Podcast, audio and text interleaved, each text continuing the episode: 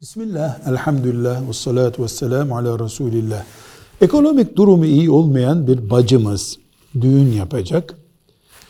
Kıyafet olarak arkadaşının veya akrabasının kıyafetini düğün günü giymek üzere almış olsa, emanet kıyafet giyse caiz midir? Dinen bir sakıncası var mı soruyor.